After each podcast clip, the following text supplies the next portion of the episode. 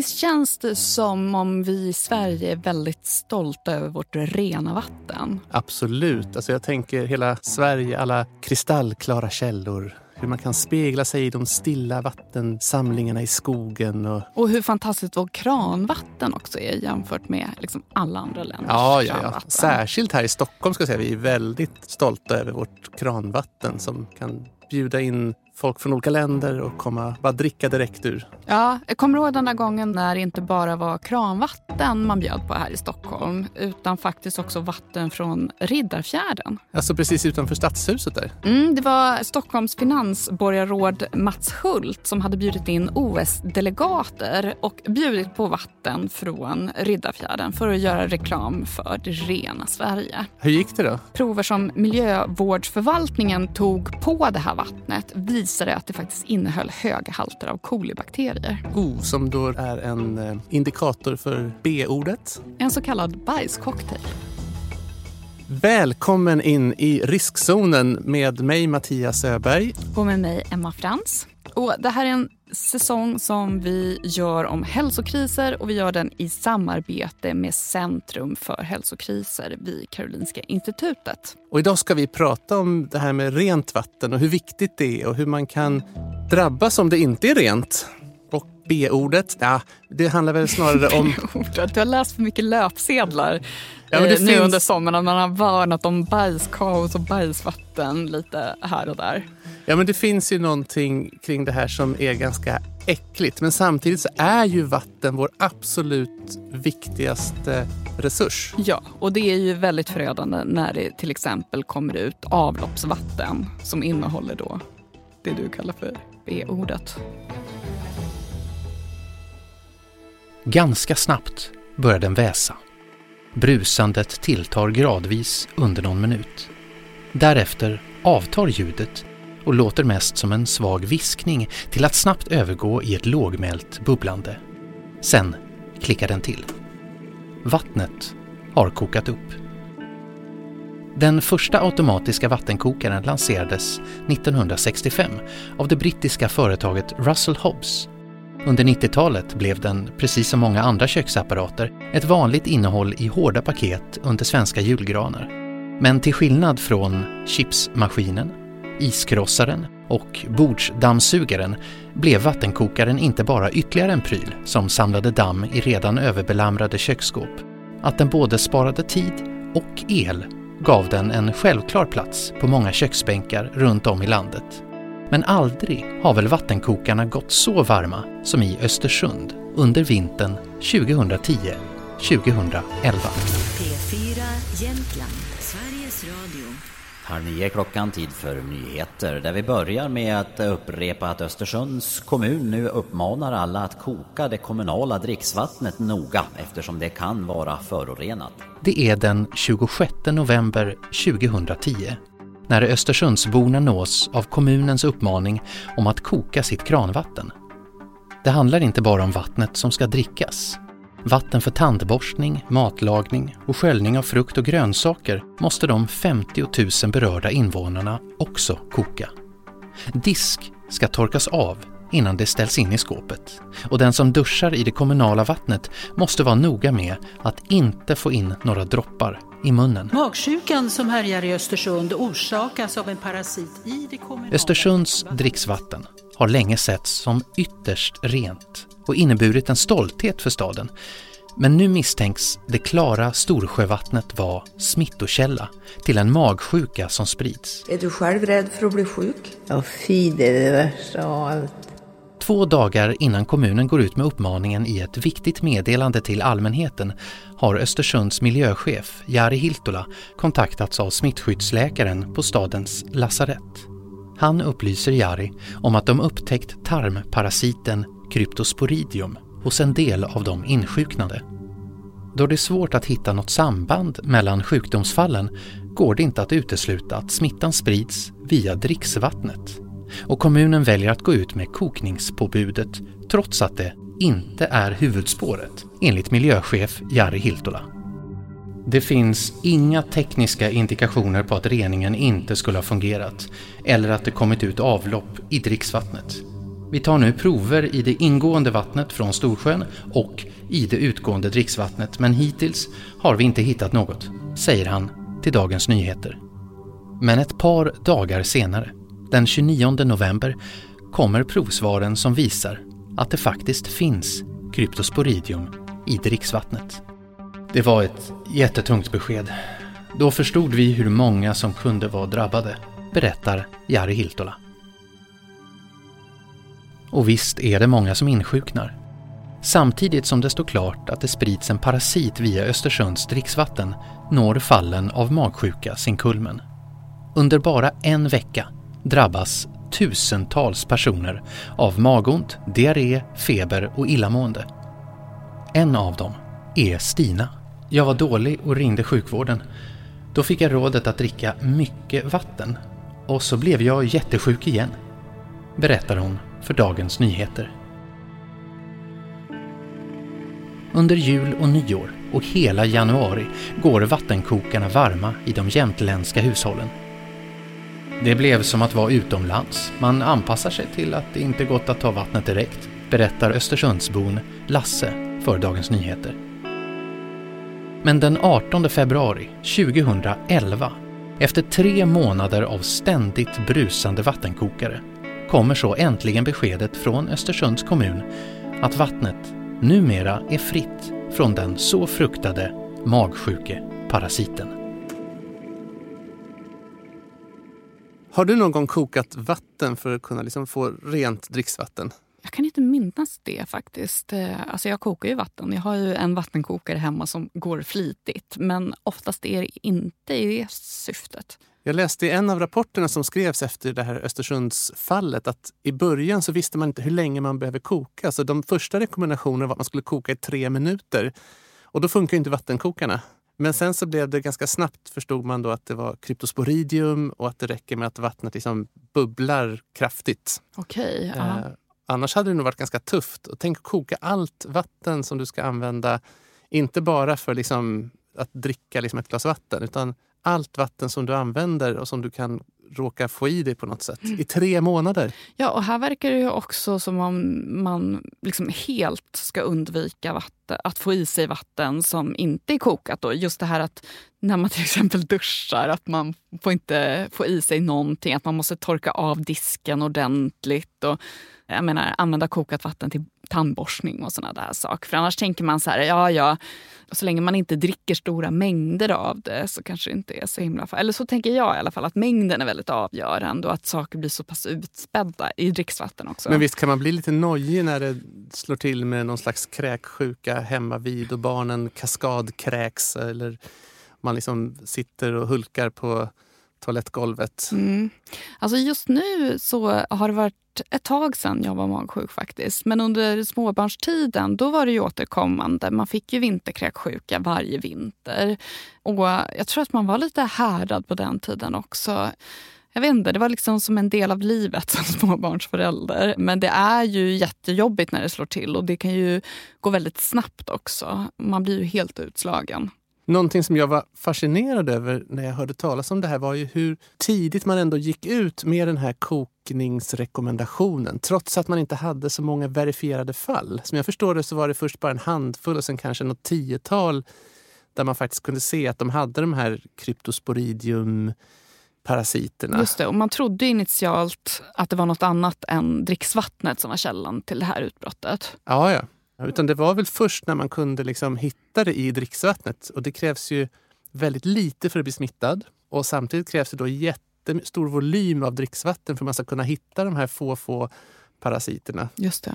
För det räcker tydligen med bara ett väldigt, väldigt litet antal såna här parasiter för att man ska bli riktigt, riktigt dålig och sen producera mängder av dem själv och sen sprida det vidare. Mm. Hundratals står just nu i kö för att undkomma kräkinfernot på Kebnekaise. Kräkinfernot på Kebnekaise. Alltså, Kib Vesuvio part 2. Like Kebnekaise. I somras så har man ju haft ett omfattande utbrott av magsjuka i svenska fjällen och Kebnekaises eh, fjällstation stängdes och evakuerades på grund av just det här. Men man har också kunnat se andra utbrott i Kirunafjällen. Men då är det ändå ganska lätt att förstå att okay, det är någonting lokalt för att alla som är på den här platsen blir magsjuka. I Östersund så var det väl lite svårt. Så här. Det är många som är magsjuka, men vad har de gemensamt egentligen? Det är olika åldrar. De kanske inte bor jättenära varandra, även om alla verkar ha en koppling till Östersund. Och det fanns väl som jag förstår det heller inga onormala halter av någon slags indikator. Man tittar ju ibland, är vattnet grumligt? Har det rätt pH? Innehåller det E. coli-bakterier?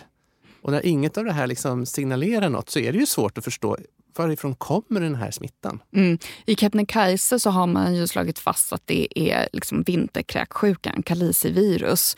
Så man vet ju vad det är för virus och man tror ju att det här är någonting som sprids på de här bajamajorna som man har på fjällstationen. Man har sedan midsommar inte haft rinnande vatten utan istället har man haft de här mer provisoriska toaletterna. Men trots det så går man ändå ut och ger rekommendationer om att man ska, om man är ute på fjället och ser det här liksom fjällvattnet som säkert ser jättefriskt och fräscht ut eh, så ska man vara lite försiktig. Man ska helt koka vattnet och har man inte möjlighet att koka vatten så ska man se till att man tar vatten så långt uppströms som möjligt. Så man är först på plan helt enkelt? Ja, för att problemet är ju då att de här fjällvandrarna de eh, kanske uträttar sina behov på fjället och då är det viktigt också att man gräver ner det här. Men problemet kan ändå vara då att det här viruset sprids i det här vattnet som ser så friskt och fräscht ut. Så därför ska man vara lite försiktig. Alltså jag kan inte tänka mig något värre faktiskt än att vara på en fjällstation där det är fullt av främmande människor med diarré, med liksom man hör ljudet av kräkningar i varje hörn. Det finns inte rinnande vatten. Alltså jag får sån panik när jag hör talas om det här.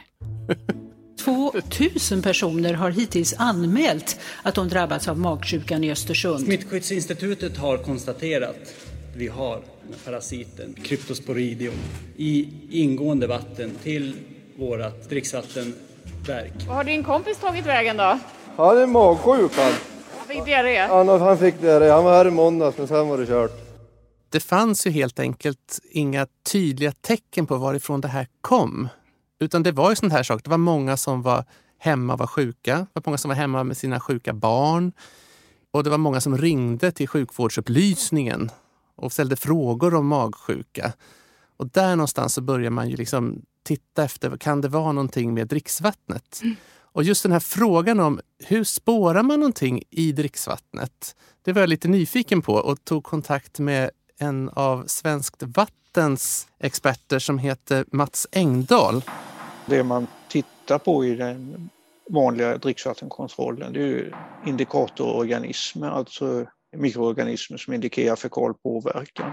Och eh, det är ju typ E. coli och enterokocker. Då har man en indikation på färsk fekal påverkan om man hittar de här indikatororganismerna. Då har man på något sätt fått in avloppsvatten i dricksvattnet. Ja, och det kan ju ske till exempel vid översvämningar. Det kommer ett skyfall och så rinner det ut och så blir hela vattensystemet fullt helt ja. enkelt. Och så rinner det här bajsvattnet ut i någon sjö och så tar man liksom dricksvatten därifrån och så hinner det inte riktigt renas ordentligt. Ja, då sitter vi där i skiten bokstavligt talat. Ja. Sen är det ju tyvärr så att de är inte världsmästare på att överleva i naturliga vatten, de här tarmbakterierna. Utan det finns ju andra mikroorganismer som har bättre överlevnad i naturliga vatten. Till exempel Cryptosporidium.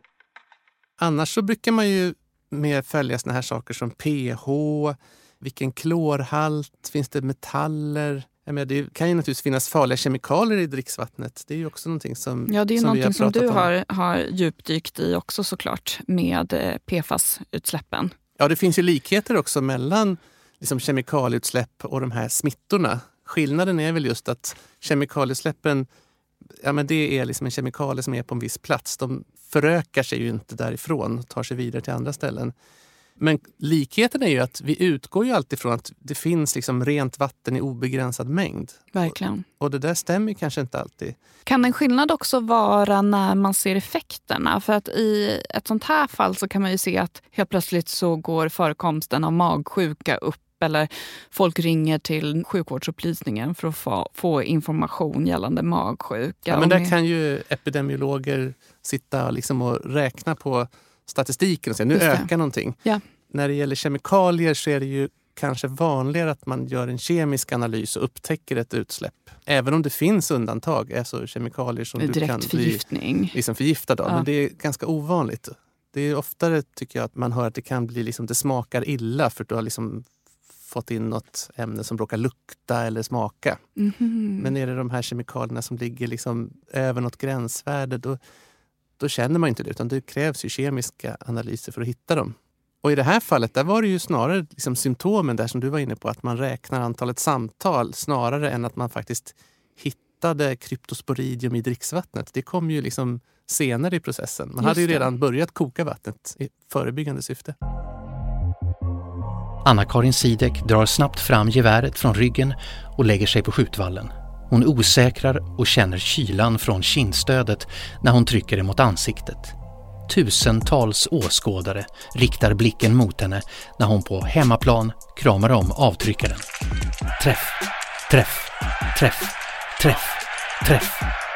Det är den 1 december 2010 och bara fem dagar har gått sedan Östersunds kommun gått ut med uppmaningen om att alla i staden måste koka sitt dricksvatten. Men varningen har kommit för sent. Ja, jag hann ju dricka innan det kom ut att man skulle koka det. Då många av svenska landslagets skidskyttar är bosatta i Östersund har de flesta insjuknat lagom till världscuppremiären i hemstaden. Men Anna-Karin Sidek är en av få svenska tävlande som mår bra. Idag vid damernas 15 km distanslopp blir det fem träffar även i de tre resterande skjutningarna. Och det räcker till seger trots att hon är missnöjd med skidåkningen. Jag har åkt roligare tävlingar. Idag var jag glad att jag tog mig mål och jag fick ganska många världscuppoäng. Lyckligt ovetande om att kryptosporidiumparasiten intagit även hennes mage ställer hon sig högst upp på prispallen och tar emot hemmapublikens jubel. Parasiten Cryptosporidium finns spridd över hela världen. I miljön befinner den sig i ett cyststadium. Likt ett ägg omsluts den av ett hårt hölje som skyddar den. Djur och människor kan få i sig parasiten genom förorenat vatten eller föda. Då kommer den ner i tarmen där höljet kring den löses upp. Tarmen på djur och människor är den enda platsen kryptosporidium kan föröka sig på. Och för att göra det tränger den sig in i tarmluddets celler. Kroppen reagerar med en infektion och i kriget mellan parasit och immunförsvar brukar immunförsvaret segra. Men innan dess brukar den insjuknande drabbas av diarréer och illamående under ett par veckor. För Anna-Karin Sidek kommer smärtorna dagen efter segern i 15 km distans. Och när det dagen därpå, den 3 december, är dags för sprintlopp går det inte lika bra som vid första tävlingen. Eh, Jag har haft ont i magen idag. Ja, den har varit väldigt orolig sådär så att... eh, Är det Östersundsparasiten som har gjort det eller vad? Jag tror det. Så hur illa, var- hur illa var det? Nej, jag har inte sprungit på toaletten och sådär som många andra har gjort utan det har mest varit bara ont i magen, magkramper lite grann och allmänt oroligt, känt mig lite hängig. Igår kväll var, kände jag mig väldigt hängig. Det kan ha varit en enda person som orsakat smittspridningen i Östersund ihop med en felkopplad avloppsledning. För när parasiten väl har slagit ner sina bopålar i en människokropp kan den dagligen ge upphov till en miljard parasitsystor som sedan sprids genom den infekterades avföring. Och ju fler som sen blir smittade, desto mer parasiter i vattnet. I Östersunds mataffärer gapar hyllorna där vattnet brukar stå tomma. Och såväl internationella som svenska skidskyttar får kämpa för att få tag på flaskvatten innan världscuptävlingarna i Östersund avslutas den 5 december. Tävlingarna i världscupen fortsätter under vintern och avslutas i mars 2011 i norska Holmenkollen. Anna-Karin Sidek landar på en nionde plats i distanskuppen. Året innan hade hon varit etta. Ja, den börjar ju väldigt bra men sen tycker jag väl inte att det har varit någon direkt bra säsong. Det har gått trögt med skidåkningen och även om skytte ibland har stämt så har det ju inte räckt i och med att det inte åkt så fort. Och i juli kommer beskedet att hon väljer att avsluta sin framgångsrika karriär inom skidskytte. Anna-Karin Sidek blev första svenska kvinnliga skidskytt att vinna ett OS-guld 2006 i Turin. Sen hon under den gångna säsongen drabbats av vattenparasiten Cryptosporidium blev skidåkandet lidande och hon lyckades därefter inte komma tillbaka till sitt forna jag, skriver TT den 16 juli 2011. I det här fallet så handlade det om en parasit som spridits med dricksvatten. Men det finns ju faktiskt också andra typer av smittämnen som kan spridas via det vatten som vi dricker. Som vadå? Ja, men olika typer av virus och bland annat då norovirus eller kalicivirus som då är det vi brukar kalla för vinterkräksjukan. Det är den patogen som har orsakat flest kända dricksvattenutbrott i Sverige de senaste 20 åren. Även då olika typer av bakterier som campylobacter och eh, E. coli och shigella. Eh, det är också exempel på bakterier som har orsakat utbrott i Sverige. Så kryptosporidium, det är ändå en ganska ovanlig vattenburen smitta? Ja, det kanske är ovanligt, men det är faktiskt ändå den smitta som har orsakat de i särklass största utbrotten i Sverige. Men det kanske har att göra med, slår det mig nu, att det är så svårt att detektera de här. Du måste göra en mikroskopisk undersökning, vilket är naturligtvis jättejobbigt om du jobbar med dricksvatten. Ska du liksom filtrera 10 000 liter och så ska du hitta några såna här mikroskopiska sporer. Det man gjorde i Östersund när man började misstänka, man såg att patienter som kom in hade den här parasiten.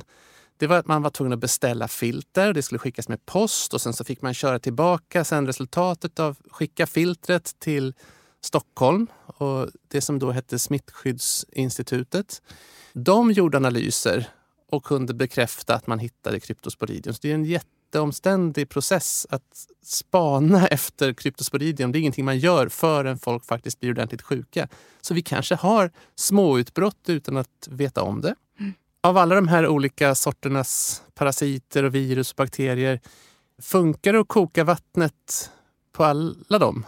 Ja, alltså när det gäller såna här mikrobiologiska hälsorisker så kan man eliminera den akuta hälsorisken genom att koka vattnet. Och då ska man koka upp det så att det bubblar och det är då tillräckligt för att inaktivera de mikroorganismer som kan finnas i förorenat vatten. Men man kan ju inte då eliminera kemiska hälsorisker genom att koka vattnet. Mina favoritsubstanser PFAS klarar och sig. där saker. Ja. Ja. de kan man tyvärr inte oskadliggöra på det sättet. Men det kan vara viktigt att påpeka också att kokning är ju inte en långsiktig lösning på den här problemen. Utan det här är ju någonting som man rekommenderar som en liksom enstaka och tillfällig åtgärd. Och syftet är ju då att motverka hälsorisker tills att man har liksom hittat källan till problemet och kunnat åtgärda det. Och sen är det viktigt att eh, om man råkar ut för någonting så att Eh, beredningen på vattenverket inte fungerar så att man inte kan dricka vattnet som levereras ut så är det ändå viktigt att hålla igång leveransen av vatten. För att om eh, rörnätet blir trycklöst så kommer man få inläckage av förorenat vatten i dricksvattennätet. Och då kommer man ha stora bekymmer. När man fått ordning på problemen eh, på vattenverket så kanske man står med ett förorenat rörnät istället. Det finns en massa användningsområden där man inte behöver dricksvattenkvalitet. Jag menar spola toaletter, eh, tvätta bilar, eh, vattna planteringar, utan då gäller det att vara tydlig med för konsumenten att det vattnet som kommer i kranen ska du inte använda för matlagning eller dryck tills vidare. Och sen eh, beroende på art av förorening så får man ju se vilka användningsområden kan man använda det här vattnet till. Men en sak som man har infört ändå då efter det här, det är ju en typ av vattenrening som också klarar av de här äh, ocysterna, de här små liksom, cystorna som den här parasiten har som gör att den är så otroligt tålig i miljön. Och det är UV-strålning. Mhm. Så man sätter liksom något typ av solarierör kan man säga, på dricksvattnet. Kan man göra det i så omfattande skala då som det här liksom, kommunala vattnet ändå innebär? Alltså det handlar väl om hur stor volym man är tvungen att rena, hur stort vattenverk det är. När jag pratade med Mats Engdahl på Svenskt Vatten så berättade han om hur de hade installerat sån här utrustning i Göteborg. Det var 14 parallella filter och efter varje filter så satt vi en strålningskammare. Och hur stor är en sån här kammare? Den är typ eh, två meter lång och en diameter på knappt en halv meter. Och i varje sån strålningskammare så sitter det då åtta stycken typ lysrör, UV-lampor. Och det här fick ett väldigt uppsving efter det här med Östersund för plötsligt ville ju inga kommuner drabbas lika hårt såklart. 13 timmars arbetsdag. Det är den nya verkligheten för Östersunds miljöchef Jari Hiltola efter att kryptosporidiumutbrottet blir känt och ett omfattande detektivarbete tar vid. Det var inte förrän vi fick bekräftat på måndagen att det var vattnet som var problemet som tankarna började gå till hur mycket vatten vi egentligen använder, säger Jari Hiltola till Länstidningen Östersund. Den totala användningen från stor livsmedelsproduktion och storkök till små livsmedelstillverkare och privatpersoner visade på vikten av vatten i ett samhälle. Kommunens prioritet är att hitta smittkällan och de börjar med att ta prover i Storsjön. De söker sig upp i vattensystemet genom intag, utlopp, avlopp och friskvattenintag. Ja, vad säger de? Det är som att leta en nål i en höstack va? I mitten av december visar prover att halten av kryptosporidium ökar i dricksvattnet. Att så många människor blivit sjuka av parasiten och fungerat som värddjur gör att den kunnat öka i omfattning. Länge famlar Jari Hiltol och hans kollegor i blindo när de söker igenom miljarder kubikmeter vatten. I januari landar de i att den troliga orsaken till utbrottet var att avloppsvatten kommit ut i Storsjön och att det skett genom två felkopplingar. Men trots att den troliga smittokällan är funnen återstår det fortfarande att rena vattnet. För att lyckas med det installeras en UV-anläggning i vattenverket vars strålning tar död på kryptosporidium. Dessutom spolas samtliga vattenledningar igenom tio gånger. Det var en serie olyckliga omständigheter som ledde fram till det omfattande utbrottet i Östersund. Det är närmast osannolikt att det skulle uppstå någon annanstans, säger Karin Tegmark Wisell, läkare på Smittskyddsinstitutet till Dagens Nyheter den 17 januari. Men redan i april samma år drabbas Skellefteå av samma parasit i sitt dricksvatten. Flera hundra kan ha smittats enligt sjukvården. Någon direkt orsak till utbrottet kan aldrig fastställas.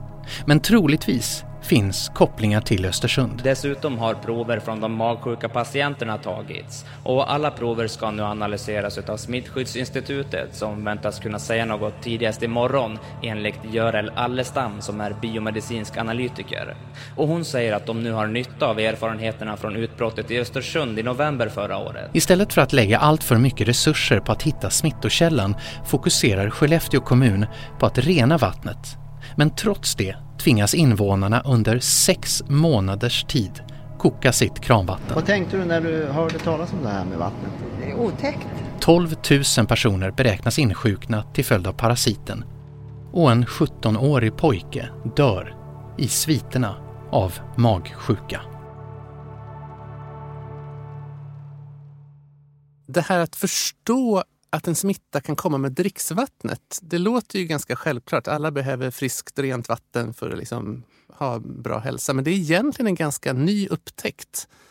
Det var inte förrän i mitten av 1800-talet som man liksom förstod att smitta kan spridas via dricksvatten. En man som heter John Snow som var verksam i London och där blev det ett kolerautbrott.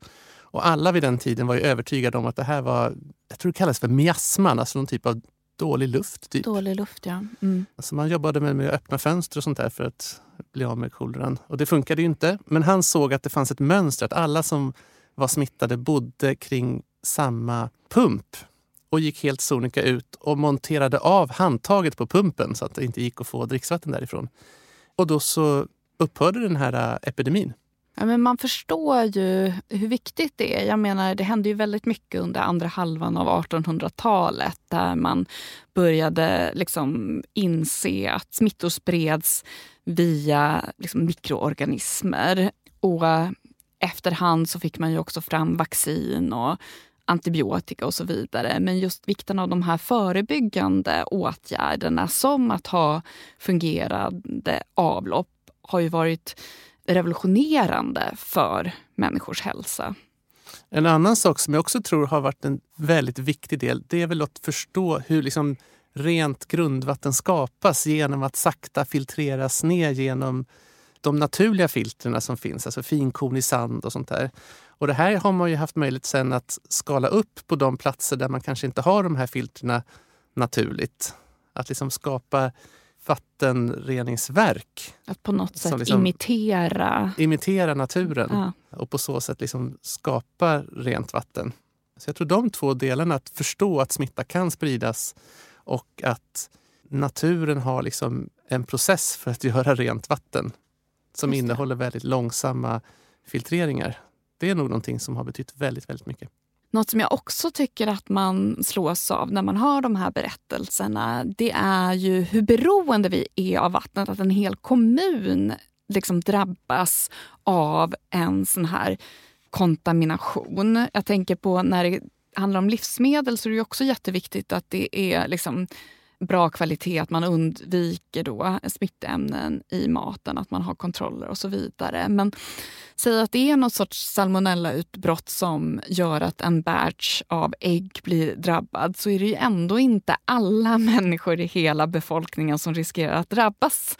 Eller när det är någon sorts skinka som dras tillbaka så är det ändå mycket mer begränsat jämfört med när liksom kommunalt dricksvatten drabbas. Och samtidigt som det, klart, det är de här stora kommunala vattenverken som försörjer väldigt stor mängd av befolkningen. Sen finns det ju de små källorna som säkert också är lite känsliga. De kan få inflöden lokalt vid någon översvämning och så där. Men då drabbas kanske bara ett hushåll eller så. Exakt. Men någonting jag slås av är också att du säger hela kommunen. Det är verkligen så att det är många kommunala nämnder som måste in och jobba i det här. Det är inte bara miljöhälsoförvaltningen eller vad det kan heta. Det är inte bara den tekniska förvaltningen som har med rören att göra utan det är liksom vård, skola, omsorg.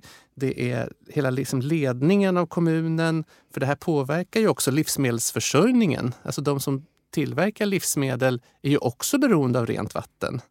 Så det växer ju ganska snart när det har med dricksvatten att göra. Och på den nationella arenan så är det också enormt många, vad ska man säga, kockar som är in och rör i den här vattensoppan. Det är Livsmedelsverket som tar fram olika riktlinjer och regler för dricksvattenkvalitet.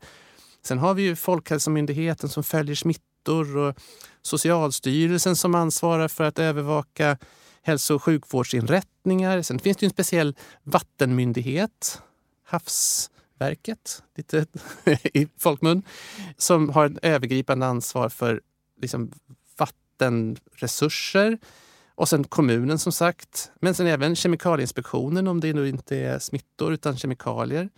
Naturvårdsverket är säkert inne. Länsstyrelsen har sina liksom, vattendistrikt och så har vi alla små vattenbolag och sen Ja, men det är en enorm mängd vilket gör att det blir ganska svårt att koordinera det här. Vem har ansvar? Och man försöker såklart. Det finns en nationell vattenkatastrofgrupp som kopplades in och gav stöd till exempel till Östersunds kommun när det här hände. Vaka heter de. Och alla de här måste på något sätt samordna. Det är en jätteutmaning det som hände i Östersund hade lika gärna kunnat hänt någon annanstans i Sverige. Det hände ju faktiskt någon annanstans, inte så långt efter, i Skellefteå. Så att eh, det var liksom inte så att eh, Östersund var särskilt eh, dåliga på att bereda dricksvatten utan de råkade vara först med att ha den typen av utbrott i Sverige. Hade det inte varit dem så hade det varit någon annan. Vi har ju tidigare gjort ett avsnitt där vi har pratat om kemikalier som har släppts ut i vårt svenska vatten. Nu har vi pratat om till och med parasiter kan spridas i vårt dricksvatten. Vi har pratat om klimatförändringar som då kan leda till översvämningar och i sin tur också påverka vattenförsörjning och smittsamma sjukdomar kan spridas lättare. Sprider vi liksom en onödig oro om liksom det svenska dricksvattnet? Eller är det här någonting som man bör vara lite liksom vaksam på. Det sägs ju att Östersund hade som slogan på Vattenverkets olika liksom bilar och sådär, liksom vatten värt att vårda. Och det tror jag man ska tänka på, att vatten är en enormt basal resurs som behöver skyddas både så att säga vid källan, vattentäkten, om det är grundvatten eller om det är ytvatten. Och att vi måste se till att vi har kapacitet att rena vattnet inte bara under optimala förutsättningar utan även när det kommer något specifikt utbrott eller när någon annan kris är inne och stör på något sätt. Att det blir ett elbortfall eller sådär. Att vi verkligen ser till att dricksvattnet behöver fungera. Och kanske att man har det här, en extra dunk någonstans i källaren om det behövs så man i alla fall har någonting att starta på. Det är i alla fall någonting som jag tar med mig från de här avsnitten. Att jag faktiskt ska se till att jag har några dunkar vatten ståendes i källan som jag ska kunna använda mig av om krisen kommer. Och en vattenkokare kanske? Det har jag redan. Jag är inte helt oduglig. Du har lyssnat på Riskzonen med mig, Emma Frans. Och med mig, Mattias Öberg. Vi är verksamma vid Karolinska institutet och det här avsnittet och några andra gör vi i samarbete med Centrum för hälsokriser på KI. Och vår producent var som vanligt Klara Wallin och inläsare Peter Öberg. Och det här avsnittet har vi spelat in på Beppo. Och också ett tack till Åsa Svensson för hjälp med research. Och I nästa veckas avsnitt så kommer vi att prata om hur kriser också orsakar kris i politiken. Jag har haft möjlighet att intervjua en av de statssekreterare som stod mitt i stormens öga när pandemin slog till i Sverige.